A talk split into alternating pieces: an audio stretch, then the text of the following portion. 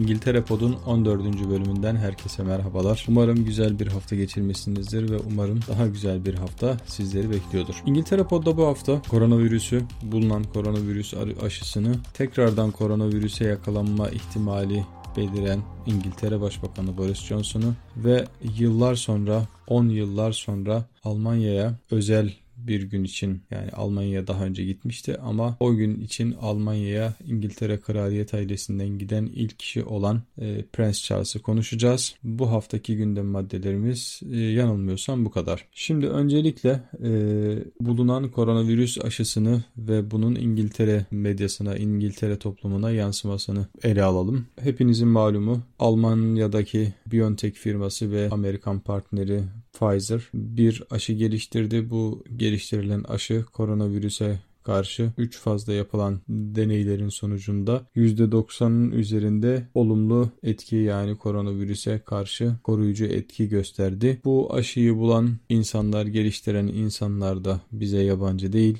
Biri Rize'den göçmüş bir ailenin, öbürü Hatay'dan, Antakya'dan göçmüş bir ailenin Almanya'da büyüyen çocukları kendilerini adeta bilime adayan, insanlığa faydalı işler yapmaya adayan bir aile tırnak içerisinde e, öyle adlandırıldıkları için bir rüya takımı karı koca bilim insanı ve hayatlarının büyük bölümü e, laboratuvarda geçen bir çiftten bahsediyoruz. E, Profesör Doktor Uğur Şahin ve Doktor e, Özlem Türeci hanımefendi bu bütün dünyaya umut olan, bütün dünyanın da özlemi olan aşının mimarları mı diyelim, mucitleri mi diyelim artık e, bütün dünyaya umut olan iki insan aşıyı bulduktan sonra her Türk'ün yaptığı gibi onlar da e, çay demleyip içmişler. Afiyet olsun gerçekten de dolu dolu afiyet olsun diyorum. E, bulunan bu aşı bütün dünyada olduğu gibi İngiltere'de de konuşuldu. Hatta Uğur Şahin bu sabah e, BBC'de canlı yayın konuğu olmuştu. E, aşıyı bulduktan sonra nasıl kutladıklarını e, sormuştu spiker. E, o da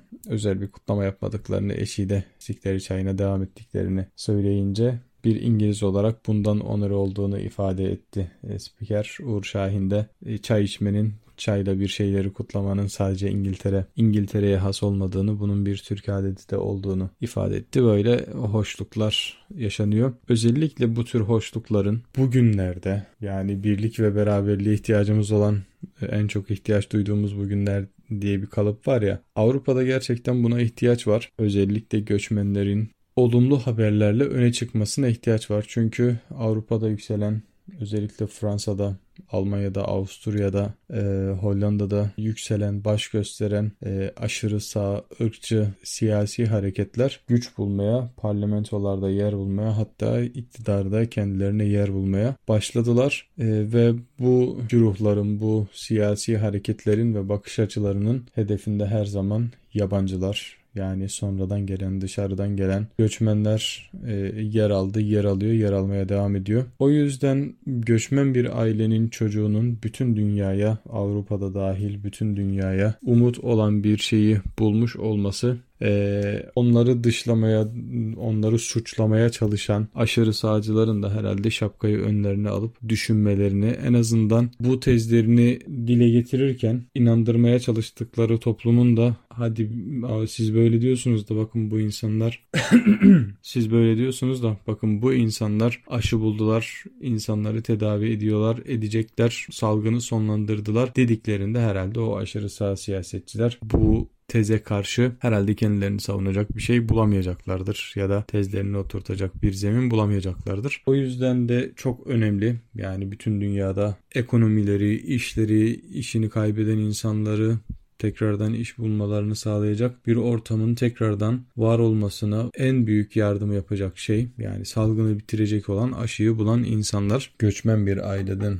geliyor olmaları göçmenler için de son derece güzel bir şey oldu. Kaderin cilvesi mi diyelim artık Allah'ın yardımı diyelim. E, böyle bir şey mevcut. Şimdi e, İngiltere'de tabii ümitle bekleniyor bu aşı. Geçelim İngiltere'deki karantinaya İngiltere'de malumunuz 4 Kasım'da başlayan bir karantina içerisindeyiz. 2 Aralık'ta bitmesi öngörülüyor. Yani 2 Aralık'a kadar, süreceği söylendi ama e, uzatılabilir. Uzatılma ihtimali hayli güçlü. E, yani Christmas belki Christmas'a kadar uzatılabilir. Belki vaka sayıları düşmezse Christmas'ta e, karantina altında olabilir. Böyle bir durum söz konusu.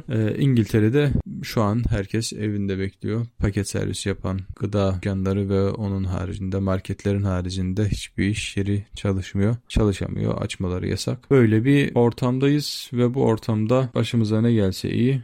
Başbakanımız Boris Johnson tekrardan koronavirüsün e, ağına düşmüş olabilir, düşmek üzere olabilir. İnşallah yokturdur böyle bir şey ama e, Başbakan Boris Johnson tekrardan kendini izolasyona aldı. Sebebi de şu, Ashfield Milletvekili Lee Anderson'la geçtiğimiz günlerde 35 dakika bir arada bulunmuş olan Boris Johnson'a buradaki sağlık sisteminden NHS'ten ulaşıyorlar e, filyasyon ekibi. Diyorlar ki Lee Anderson'ın testi pozitif çıktı. Bununla bu sayın milletvekiliyle bir arada bulunmuşsunuz. Sizin de kendinizi karantinaya, karantinaya almanız gerekiyor. Ve bunun üzerine Başbakan Boris Johnson da kendini karantinaya alıyor. Malumunuz Boris Johnson bu hastalığı yaşadı. Hatta epey de ağır yaşadı. 3 gün yoğun bakımda kalmak zorunda kaldı. Ve hani gitti gidiyor durumundaydı. Kendisi de böyle ifade ediyor. Ö- ölümden döndüğünü söylüyor. Ve ilginç bir tesadüf mü diyelim, tevafuk mu diyelim. Boris Johnson Mart ayında da lockdown'a yani sokakla, sokağa çıkma yasağına karşıydı. Sonra ikna edildi bir şekilde ve sokağa çıkma yasağını ilan etti. Kısa bir süre sonra da kendisi koronavirüse yakalandı. Şimdi tekrardan artık kaderin cilvesi diyelim. Tekrardan sokağa çıkma yasağı ilan edildi. Yine Boris Johnson buna karşı çıkıyordu ama bir şekilde ikna oldu, ikna edildi. Sokağa çıkma yasağı ilan etti ee, ve iki hafta geçmeden kendisi de koronavirüs şüphesiyle henüz şüphe yok ama ne, diye, ne diyelim ihtimali ile kendini karantinaya almış durumda. Ee, çalışmalarına Downing Street'teki numaradaki evinde devam edecek. Yani başbakanlık konutunda devam edecek. Büyük ihtimalle test yaptıracaktır bugünlerde. O testin sonucuna göre de yine birkaç gün daha kendini self-isolating altında tutacaktır diye tahmin ediyorum. Şimdi geçelim kraliyet ailesine. Ee, kraliyet ailesinde son zamanlarda yani son bir yılda öne çıkan bir figür var. Prens Charles. Prens Charles'ın gelecek yıl ta tahtı devralacağı yönünde söylentiler mevcut. Yani Kraliçe Elizabeth'in artık yaşı yüze yaklaştı kraliçenin. Tahtı oğlu Prens Charles'a devredeceği söylentileri mevcut. Böyle bir şey olacak mı olmayacak mı bilmiyoruz ama şöyle bir gerçeklik var elimizde. Prens Charles son yıllarda daha aktif, daha mesaj veren bir görüntü çiziyor. Ee, bunun sonuncusu Almanya'da meydana geldi. Prens Charles eşiyle birlikte Almanya'ya bir ziyaret düzenledi. Ziyaret özel bir güne, özel bir gün için gerçekleşti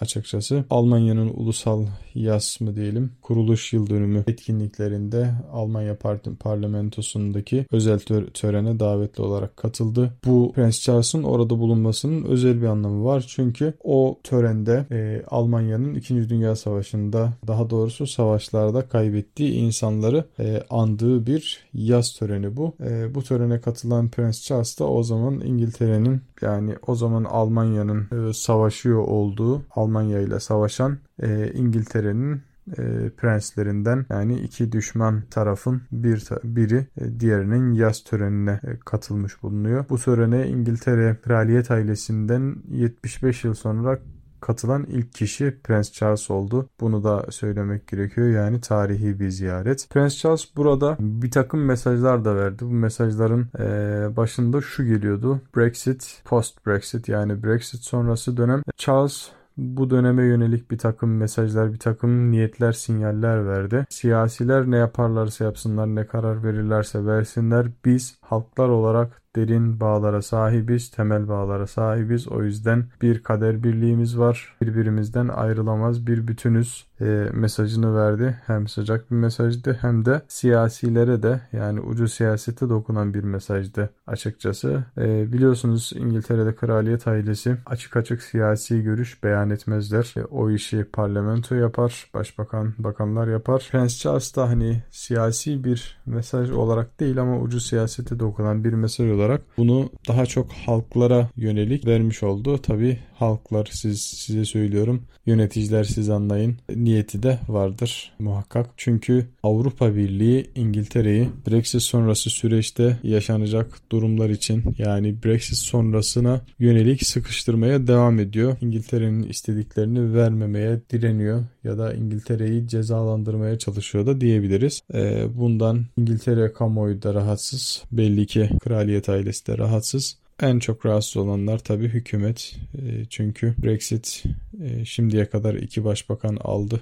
Üçüncüsü de sıkıntılar yaşıyor. Tabii şu anda dünyanın en büyük sıkıntısı koronavirüs ama İngiltere'nin de başında ikinci bir kronik Brexit sıkıntısı. Brexit sonrası ticari anlaşmalar, balıkçılık e, çünkü İngiltere İspanya arasında da çok önemli bir bölgedeki denizdeki balık avlanma bölgeleri sıkıntısı var. Böyle sıkıntılar mevcut. Bunların aşılması gerekiyor. E, bunlara yönelik de bir oturup anlaşılması gerekiyor masa başında ama Avrupa'da e, İngiltere'yi kolay kolay masadan karlı kaldırmaya niyetli görünmüyor gibi bir izlenim sahibiyiz. Bunun dışında İngiltere Pod'da şu an öne çıkan bir şey yok gibi. Lafı fazla uzatmadan bölümü bitirelim. Hepinize dinlediğiniz için çok teşekkür ediyorum. Ve inşallah gelecek haftanız geçen haftanızdan daha güzel geçer. Kalın sağlıcakla. Kalın sağlıcakla.